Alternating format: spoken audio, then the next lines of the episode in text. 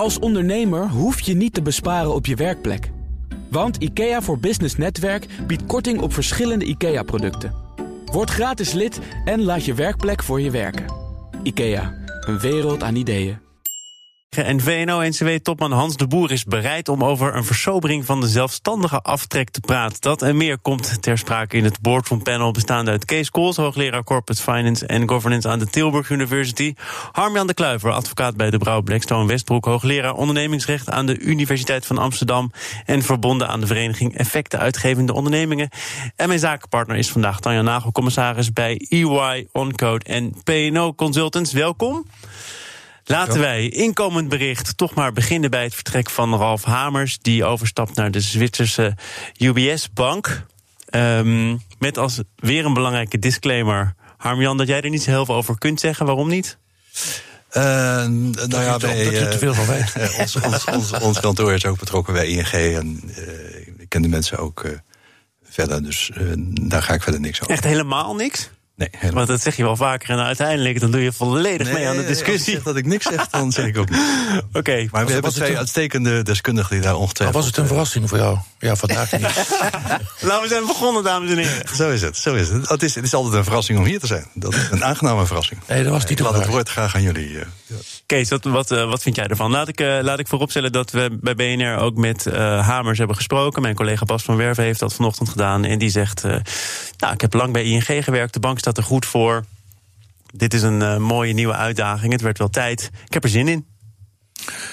Nou kijk, het is op zich niet verrassend. Hij is pas 53 en heeft geloof ik dit nu een jaar of zeven gedaan. Het is ook niet goed als je, stel dat hij tot zijn pensioen zou zijn doorgegaan en nog eens wat is het? Uh, 14 jaar. Dan zou het totaal 14 jaar zijn geweest. Dat is niet goed, dat is, dat is te lang in het algemeen. Niet goed voor jezelf en voor, de, voor het bedrijf. Dus in die zin is het niet, voor, niet verrassend en ook niet, uh, en ook niet slecht. Het is natuurlijk wel een heel ander soort bank. Hè. De, de, de grote vermogensbeheerder voor de helft, 50 landen voor een groot deel in Amerika. En dan in Zwitserland uiteraard en nog wat in Europa en in, in Azië. Het is ook een bank die in het verleden natuurlijk heel grote problemen heeft gehad. Zowel met financiële crisis als ook met allerlei uh, uh, witwaspraktijken. Dus wat dat betreft, nou, ik zou kunnen zeggen, daar heeft hij ook ervaring mee. Hoe je dat zou moeten of kunnen aanpakken. Um, wat me wel opviel, dat was dat, ik zag één quote staan. Ik, dat, uh, misschien ben ik daar overgevoelig voor, maar ik ben bereikt. Ik ben, ik ben trots op wat ik heb bereikt. In de economische literatuur zijn dat twee van de standaard, standaard uh, ja, tekens of indicatoren over bepaalde persoonlijkheid. Ja, daar doe je onderzoek naar, hè? Naar ja, narcisme. En, en, en, dan wordt dat gemeten hoe vaak zeggen mensen, zeggen CEO's ik of zeggen ze wij, en zijn ze trots op we hebben bereikt of enzovoort. En als je, als je dit zo zegt, nou ja, dan weet UBS ook vast een beetje wat voor, wat voor uh, uh, vlees in de kuip hebben. Ja, is het ook niet, ga je nu niet heel erg snel op basis van één quote dat je denkt, nou, misschien zegt het iets over Ralf Hamers en hoe hij zichzelf in een organisatie ziet? Nou ja, het is wat ik al zeg. Ik heb het zelf niet eens bedacht. Maar het is. Oh, moet je alles kunnen bedenken. Zeker. Maar het is nou, een van de standaard indicatoren. Je praat. Het, het is een van de standaard indicatoren. En ja, als je, als je als de hoogste baas zegt dat ik heb van alles bereikt. Dat is gewoon toch heel wat anders dan sommige andere mensen die zich realiseren dat, dat daar toch meer van nodig was dan jezelf. Nou, ik snap wat je zegt, Kees, maar ik geloof dat uh, Ralf Hamers echt niet iemand is die alleen maar bezig is met wat hij zelf bereikt heeft. En misschien uh, is het in zo'n interview wat je hebt iets wat dan toch op de een of andere manier door een journalist zo wordt opgevat. Um, maar laten we vooral uh, die andere indicatoren er dan ook bij betrekken als het zou gaan om hoe groot het ego van de CEO van de ING is en niet alleen maar. Welke andere indicatoren nou ja, bedoel je dan? Wat Kees zegt, er zijn een heleboel indicatoren ja. op basis waarvan je dat bepaalt. En we pikken er nu een uit waar jij, denk ik, inderdaad wat meer gevoelig voor bent en het uh, terecht signaleert. Maar ik zou het een beetje gevaarlijk vinden als we daar nu een heleboel aan ophangen. Ik denk dat hij misschien ook wel terecht trots op mag zijn waar ING nu staat. En wat hij samen met zijn mensen heeft gedaan om daar nu te komen. Ja, we hebben het eerder in dit programma trouwens gehad over dat vertrek van Hamers. En daar werd ook door verschillende gasten in deze studio geconstateerd. Het is misschien een beetje flauw om nu die vertrekt weer terug te komen op het salaris, op het witwasschandaal. Is dat flauw? En dat vraag ik ook omdat econoom Jaap Koelewijn, die hebben we ook laten horen in de ochtendspits op BNR, zei dat hij het gek vindt dat topbestuurders van banken na onder andere het witwasschandaal uh, op geen enkele manier persoonlijk geraakt worden en zo zonder problemen een toptransfer kunnen maken. Terwijl wat wat minder hoog in de hiërarchie mensen die bij een bank werken daar uh, veel meer moeite mee hebben? Ja, nou, dat, dat, dat zou kunnen. Ik denk, ik denk het wel. Uh, uh, ik denk het wel. Maar wat, wat denk je wel, sorry? Nou, ik, zat, sorry, ik was nog even aan het nadenken over het vorige punt. Toch, als ik daar nog even één opmerking over mag maken. Mag, laatste opmerking. Kijk, als je toch denkt, ik wil me er tegenaan bemoeien, dan mag dat, hè, Armjan? Ik vind dat je het goed volhoudt. Kijk, toch even nog iets breder trekken. Het is een indicator, hè. Zo, zo twee van dat soort dingen zijn, zijn CEO's die zouden dat nooit zeggen. En, en wel is gebleken in de afgelopen decennia dat gedrag het gedrag, de persoonlijkheid van CEO's minstens zo belangrijk zijn als hun zeg maar, professionele inhoudelijke kwaliteiten. En er werd vroeger heel weinig of nauwelijks naar gekeken of opgelet. En ook in dat kader eh, moet je mijn opmerking plaatsen. Goed. Ik denk dat we naar de accountants uh, doorgaan. Want het is uh, wederom een belangrijke week voor accountants. Er zijn twee flinke rapporten gepresenteerd. Onder andere de commissie Toekomst Accountants. Die adviseert minister Hoekstra om de grootste 20 kantoren uh, te verplichten met een sterke raad van commissarissen te komen. Dan ga ik eens niet voor de verandering bij Tanja beginnen, maar bij Harmjan, want jij bent er ook nog. Jawel. Dankjewel. Dankjewel. Moedig door het eerste onderwerp heen Ik stel het zeer op prijs. Uh, nou ja, ik waardeer ook zeer dat jij er bent. Maar dan moet je nu met stevige ja. uitspraken komen. Want wordt het tijd dat er inderdaad voor die 20 grootste accountantskantoren... waarvan er dus een paar al een raad van commissarissen hebben... het levende bewijs staat hier, dat dat wordt uitgebreid. Nou, ik vind het een hele interessante uh, situatie... juist voor, voor dit programma, voor het Boardroom Panel. Want... Um, je begint natuurlijk bij wat is de problematiek bij de accountants. Dan zegt iedereen, nou, we vinden dat de controles niet goed genoeg zijn, niet genoeg op niveau zijn. Andere dingen in de organisatie niet deugen. En dan vervolgens ga je denken, kunnen we daar qua governance dan een oplossing voor bedenken? Uh, en het, het, het, geeft denk ik heel goed aan de mogelijkheden en de onmogelijkheden van governance, waar wij het hier uh, met regelmaat natuurlijk elke week over hebben. Wat kan een raad van commissarissen niet doen? Nou, een raad van commissarissen kan op zichzelf niet bij de accountant gaan staan en zeggen: joh, je moet dit en dat moet je anders doen. Want dat is de, de professionele deskundigheid van die accountant. Dus de, de verbetering moet uiteindelijk daar plaatsvinden. Kan het dan toch heel nuttig zijn om een raad van commissarissen te hebben? Ik denk dat dat inderdaad zo is. Maar het zit er meer in het aanmoedigen uh, van de mensen om te doen wat ze moeten doen, dan dat je daadwerkelijk uh, dat kunt controleren en dat toezicht op kunt houden. En dat vind ik interessant uh, aan, aan, aan, dit, aan dit voorstel. en dat je goed moet realiseren ook bij andere ondernemingen, van wat, wat kan een raad van commissarissen doen? Zij kunnen niet de feilen van de onderneming oplossen. Dat moet de onderneming zelf doen. Maar ze kunnen wel vragen stellen, erop zitten, mensen aanmoedigen uh, om dat aan te pakken. En in die zin is het denk ik een hele goede, hele goede stap. Eh, Tanja, nu jij hier toch bent, wat, wat kun jij wel en wat kun jij niet? Hoe ervaar jij dat? Nou, het is denk ik precies wat Armin zegt. Dat, daarin verschilt het natuurlijk niet veel van andere raden van commissarissen. En zou het ook niet veel moeten verschillen. Het heeft iets gecompliceerd omdat je aandeelhouder ook weer degene is waarop je toezicht houdt, omdat het natuurlijk een partnership is. Um, dus het is boeiend. Ik moet zeggen dat er heel veel dingen in het rapport staan die, die hele goede aanknopingspunten uh, bieden. Maar waar we toch met z'n allen ook nog eens goed naar moeten kijken wat de gevolgen daarvan zijn. Want er wordt ook gesproken over het feit dat er toch een soort structuurregime dan ook van toepassing zou moeten zijn. Um, uh, waarbij dan een RVC ook uh, met name zou moeten kijken naar het publiek belang. Uh, en daar loop je natuurlijk tegen het probleem aan dat je als Raad van Commissarissen moet kijken naar de belangen van alle stakeholders. En dan wordt het natuurlijk best ingewikkeld als er daar eentje met wat meer prioriteit bovenaan wordt gezet. ik snap de bedoeling, maar daar moet je ja. natuurlijk ook wel goed naar kijken wat de gevolgen daarvan in de praktijk zijn. En de gevolgen zijn. daarvan zijn dat het complex wordt, dat het eigenlijk niet. nou, dat weet ik niet. Maar ik, ik, nogmaals, ik denk dat we allemaal begrijpen waarom de commissie dat opschrijft. Maar dat je voordat je zoiets gaat invoeren, wel heel goed moet bedacht hebben met elkaar wat de consequenties daar dan van zijn. Bernard Wientjes die kwam uh, aan het woord in het FD, is president-commissaris bij KPMG. Die zegt: Het gaat eigenlijk niet om wat je allemaal wettelijk vastlegt en wat onze formele bevoegdheden zijn. Het gaat er vooral om dat je voldoende tegenmacht kunt bieden. Maar heb je daar wel een wet voor nodig? Of kun je dat dan op een andere manier ook voor elkaar krijgen? Nou, ik denk, ik, ik denk dat dat heel erg afhangt van de, van, de, van de personen die in zo'n raad van commissarissen zitten. Wat ik zie in de praktijk is dat, uh, ongeacht de bevoegdheden, die zo'n beetje gelijk zijn, de ene raad van commissarissen veel effectiever kan zijn dan, dan de andere. Uh, dat heeft te maken deels met deskundigheid, maar dat is maar één aspect daarvan. Uh, het heeft te maken met ervaring, het heeft te maken met helderheid van je doelstellingen. Wat wil je precies bereiken? Hoe gefocust ben je ook als commissaris? Nou, Wintje zei dat toen hij binnenkwam dat ze, die, dat, ze op dat, dat ze in dat kantoor zeiden: joh, wat, wat, kom jij hier eigenlijk doen? Jij weet toch eigenlijk nergens van? Zeker vakinhoudelijk niet. Dan word jij ja. hier in één keer president-commissaris. Ja, en dat, en dat is een hele goede vraag. Uh, het is ook heel belangrijk dat de, de commissaris daar een antwoord op geeft. Hij zegt: nee, dat, ik ga niet jullie vak veranderen. Maar dit zijn de dingen die ik wil veranderen. En dit zijn de dingen die ik belangrijk vind. Als je dat duidelijk aangeeft kan je een hele belangrijke rol uh, vervullen. Nou, ontmoet jij wel eens weerstand? Ja, natuurlijk.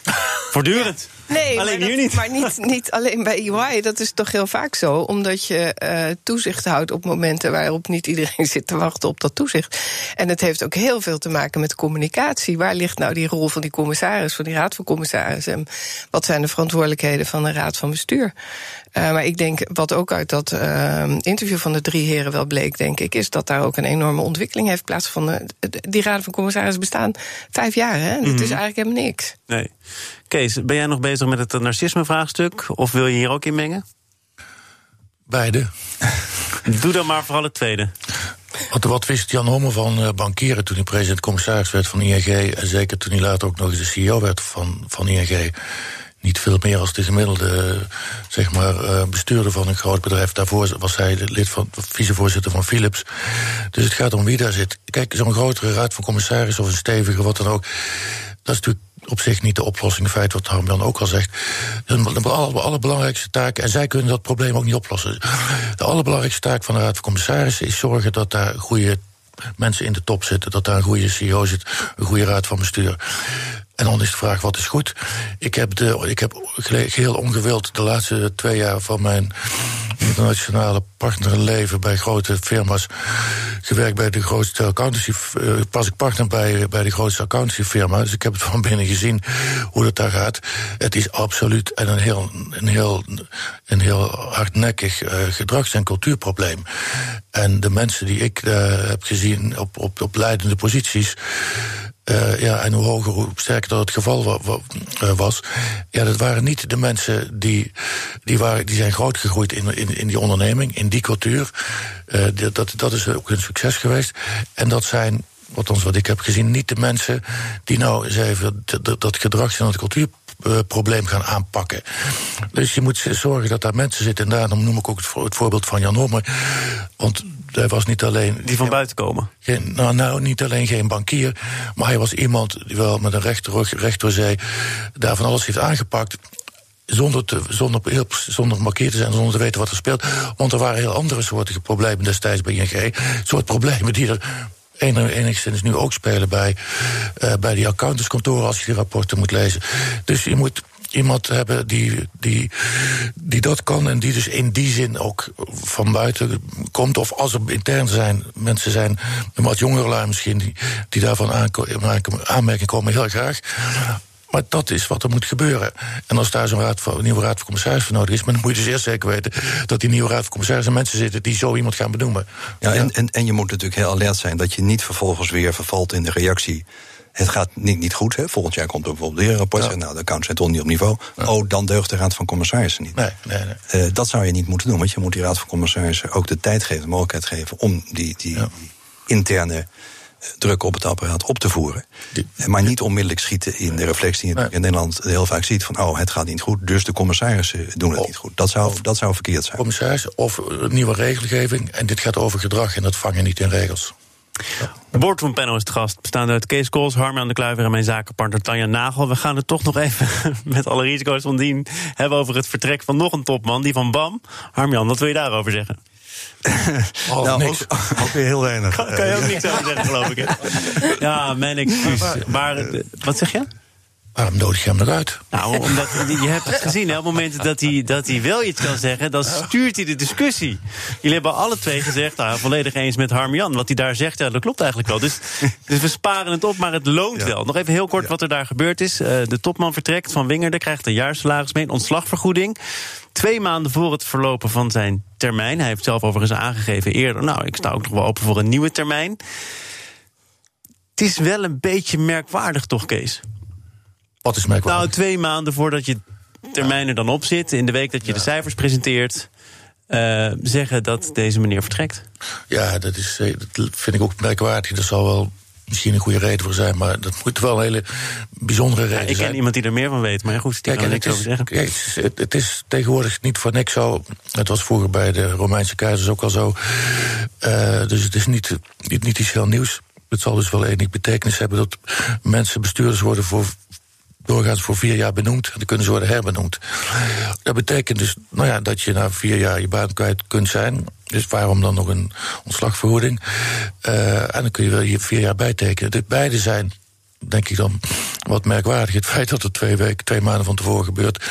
En ja, als een reguliere benoemingsperiode afloopt, waar dan ook, dan, uh, nou ja, dan begint het wel weer opnieuw. En dat is merkwaardig als je dan. Ik denk dat andere werknemers die een tijdelijk contract hebben voor vier jaar. Ik weet wel dat het je arbeidsrechtelijk net iets weer anders zit. Dan heb je gewoon een lange termijn contract. Maar daar gebeurt het ook niet. Dus is die vergelijking wel een beetje op zijn plaats? Als je een tijdelijk contract hebt als gewone werknemer, dan krijg je ook geen ontslagvergoeding? Nou ja, ik denk dat wat hier. Wij weten niet wat er hier aan de hand is. En het is op zo'n korte termijn voordat die termijn verlopen was. Dus er zullen wel redenen zijn waarom het logisch is om hem te compenseren. Ik vind het heel lastig om nu te gaan preluderen. We weten weten het niet. Is het overigens wel dan in het algemeen natuurlijk beter om als iemand vertrekt uh, meteen een opvolger paraat te hebben of niet? Nou ja, weet je, we hebben nou Ralf Hamers ook besproken. Daar weten ze ook nog niet van wie de opvolger is. Idealiter wil je natuurlijk meteen iemand kunnen presenteren. Maar ik geloof niet dat het zo zou moeten zijn dat iemand langer blijft, omdat je nog niet weet wie zijn of haar opvolger wordt. Maar weet wel, met meestal er wel iets heel bijzonders aan de hand moet zijn. Wil je twee maanden voor het aflopen van je termijn uh, vertrekken of ontslagen worden? Of ja, ontslagen worden? Ja, dat. Um, en, en dat je een vergoeding krijgt. Ik ben het wel met je eens, maar we weten toch. Okay. Kijk, en Harmjan gaat niks zeggen. Dus we weten toch niet wat er aan de hand is. Nee, maar dat, waarom weten we niks? Omdat, omdat er niks verteld wordt. Nee. En we kunnen nu allemaal naar Harmjan gaan kijken. Doe met veel plezier, maar dat gaan we niet doen. We gaan het uh, nog even hebben over industriepolitiek. Dat zou niet langer een taboe moeten zijn. Dat zegt de staatssecretaris Mona Keizer van Economische Zaken. Ze doet een investering van 23,5 miljoen in de Nederlandse kwantumsector. In vijf jaar, moet ik er voor de volledigheid wel even bij zeggen. Wat een bedrag. Wil je alvast wat zeggen, Tanja? nou ja, ik, ja, ik vind allemaal zo. zo um, wat, wat kunnen wij nou als Nederland? Weet je, we moeten dat toch samen met andere partijen doen. En, en de uitleg die ze ook geeft, ik, ik begrijp het gewoon niet. Maar nou, zij komt, uh, als ze alles meetelt, komt ze op uh, miljarden die ja. beschikbaar worden gesteld voor industrie, ook voor sleuteltechnologieën. En dan gaat het natuurlijk wel om substantiële bedragen. Ja, beschikbaar wordt gesteld, niet door de overheid. Nee, nee, nee samen met het bedrijfsleven. Ja, ja. Samen met, ja, Harmjan? Nee, ja, de, de, nee, Kom terug in de ik, ik, deel, ik, deel, ik deel wat, wat, helemaal wat Tanja zegt natuurlijk. Uh, ik, ik, ik, laat ik voorstellen, ik begrijp heel goed waarom de staatssecretaris zegt: ik kan eigenlijk niet zoveel doen. Wat me dan wel verbaast is dat als zij zegt, ik kan niet zoveel doen, want ik heb inderdaad hier, was, ging sprake over 5 miljoen hier en 5 miljoen daar, dat is natuurlijk allemaal niks. Dat ze volgens dan het, het, het topic van de industriepolitiek opbrengt. Dat is met die bedragen natuurlijk niet, niet aan de orde. Haar eigenlijke issue uh, moeten we het hebben over industriepolitiek. Daar zou ik helemaal niet tegen zijn. Ik denk dat dat, dat, dat heel goed is. Ik denk dat elk land uh, zich dat moet realiseren. Alleen de marges zijn wel, wel smal natuurlijk. En als je echt iets wil bereiken, helemaal met Tanja eens, ja, zal dat toch op Europese schaal moeten. Maar er, er, er blijkt ook nog wel gewoon uh, beleid op te maken. En dan zegt ook een kritisch rapport over het beleid van Mona Keizer: kies dan, versnipper het niet zelf. Hè. Je, kunt, ja. je kunt misschien niet zoveel doen, maar als je dan toch echt impact wil hebben, maak dan een duidelijke keuze. En strooi niet hier met 5 ja. miljoen, daar met 5 miljoen. Ja. Doe dat dan. Ja, en dat, dat was natuurlijk wat we de afgelopen jaar hebben gezien in de, in de top, top, topsectorenbeleid. Dat was een beetje daarop gericht. Uh, nou, dat leek mij op zichzelf prima, kan je ook van alles van zeggen. Maar daar werden wel keuzes gemaakt, waren nog wel vrij veel keuzes, maar anyway. Ja, ik begrijp eigenlijk niet wat er dan nu anders moet en wat er anders kan met deze, deze bedragen. Ik ben helemaal met Tanja eens. Nee, en de kritiek die ze krijgt is natuurlijk dat ze te veel naar lobbyisten luistert en dan gewoon maar wat geeft. Ja, dat kan natuurlijk uiteindelijk niet goed zijn um, voor Nederland. Ja, als, als zij zelf dus die keuze maakt, dan zegt ze, en ik citeer hier even uit het FD: Ik bedoel niet het bevoordelen van industrieën die niet het toekomstige verdienmodel van Nederland vormen. Ik bedoel, we moeten bepalen waarin we sterk en technologisch onafhankelijk moeten worden in Europees verband. Daarnaast moeten we kijken wat de bedoeling is van een buitenlands bedrijf dat hier investeert. Als je deze woorden vertaalt, dan komt het er wel op neer dat ze duidelijkere keuzes gaat maken, toch? Want dan gaat het over bedrijven die bijdragen aan het toekomstige verdienmodel voor vermogen van Nederland. Kijk, we zijn dat ene punt van die onafhankelijkheid, dat is wel. Kijk, dat, dat is wel iets wat over industriepolitiek gaat. Maar die, die 5 miljoen of die paar miljoen, dat is natuurlijk droevig, een droevig verhaal. Kijk, het lijkt wel een beetje of we weer 100 jaar terug in de tijd zijn. 100 jaar geleden heeft de overheid besloten om niet afhankelijk te zijn, willen zijn als Nederland van het buitenland. Toen twee belangrijkste grondstoffen, staal en kolen. Toen is Hoogovens opgericht en, ik wou zeggen deze, maar de staatsmijnen. Dat waren toen twee van de belangrijkste. Goed, en olie en gas, ja, dat, je, moet je hebben. Kolen hadden we het voor. Kijk, dat is industriepolitiek. En als je, dat, en als je zegt, daar gaan we investeren. En we willen daarvan niet afhankelijk zijn. En nu 100 jaar verder is die, andere, is die afhankelijkheid op een andere manier, of ja, op een ietsjes andere manier weer terug naar die geopolitieke onzekerheid. En dat je met je, of met je grondstoffen. Of, uh, en of met uh, hoogwaardige technologie niet afhankelijk zijn, wil zijn van landen ja, die toch niet zo betrouwbaar zijn als je zou willen. Dat geldt zelfs tegenwoordig tot op zekere hoogte van Amerika, voor Amerika. Uh, maar dan dus in, in, in dat licht moet je denk ik wel nadenken over, over een bepaalde vorm van zelfstandigheid en onafhankelijkheid. Maar hoe besmet is die, die term, dat industriepolitiek, dan wordt er vaak verwezen naar Fokker of naar DAF of naar andere projecten die mislukt zijn? Ja, nee, maar wacht even. Dat, waren dus, dat had niks te maken met, met afhankelijkheid. Auto's kun je overal uh, maken, zeker binnen Europa. KLM, dat is ook zo'n voorbeeld. Hè. Hoeveel procent heeft. Uh, heeft 14 procent heb ik uh, net nog nou, voorbij horen komen. Nou ja, dat is dan niet echt onafhankelijk willen zijn met, met, met technologie enzovoort. Maar wel weer van een belangrijk deel van je, van je industrie. In dit geval van de, van de Fransen. Maar industriepolitiek is geen vies woord. Anders hadden we het hier al lang uh, laten, laten merken in, in woord en gebaar. Dus Mona Keizer wil een taboe slechten dat er niet is? Ja. ja, ze creëert een taboe en dan gaat ze volgens zeggen dat, ze, dat, ze, dat zij de taboe zou gaan bestrijden.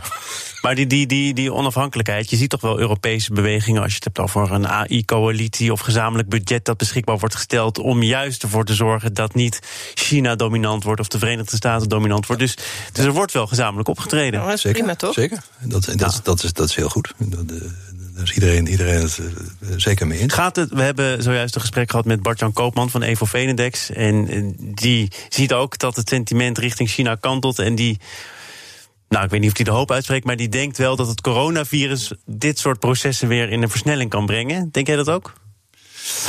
Uh, nou, de, de, band tussen coronavirus en andere, andere uh, besmettingen economisch, dat weet ik nog niet. Dat, dat laat ik graag aan de deskundigen over. Maar dat, dat China wel uh, bovenaan de lijst staat, is duidelijk. Als je, als je spreekt binnen Europa, binnen Europese organen, maar ook binnen ondernemingen, dan ben je na, na vijf minuten inleidend gezellig gespreken, ben je wel bij China. Dus, dus dat is wel waar iedereen naar kijkt. Iedereen denkt, nou, wat moeten we ermee? Hoe gaan we ermee om? Wat zijn de uitdagingen die we daar hebben? Uh, er wordt ook echt gedacht aan investeringstoetsen. Hè? De, de Europese Unie uh, heeft een verordening vastgesteld. Nederland is er druk mee bezig. Telecom. Er ligt een telecomwet in de Kamer die behoorlijk draconisch is. Ook dankzij Mona Keizer. ja, zeker, ja. zeker. Ook dankzij Mona Keizer. maar die is behoorlijk draconisch in de zin ja. dat als er anderen investeren die de Nederlandse overheid niet wenst, dat je dan ook dat kunt voorkomen. Of dat je zelfs als ze geïnvesteerd hebben en die investering weer kunt ontnemen. Dus dat zijn wel eh, echt veranderingen vergeleken met, met 20, 30 jaar geleden. En als het over onafhankelijkheid gaat, is industriepolitiek één. Maar het beschermen is, dat hoort er zeker ook bij. En ja, helaas is het zo eh, dat, dat die Chinezen bij ons om de hoek in Veldhoven, bij ASML, hebben ze gewoon echt het bedrijfsgeheimen gestolen. Pure bedrijfsspionage. Dus het is wel een reëel gevaar. Ja, wat de Chinezen ook hadden kunnen doen, in plaats van uh, dit soort illegale praktijken, ze hadden ook, dat is voor hen geen groot probleem, hier ASML kunnen kopen. Dus als je het hebt over beschermen en onafhankelijk willen zijn, dan moet je ook nadenken over beschermingsconstructies. Dank. Harmjan, wat zijn de bedrijven die we volgende keer moeten bespreken? Waar je over mee kan praten dan?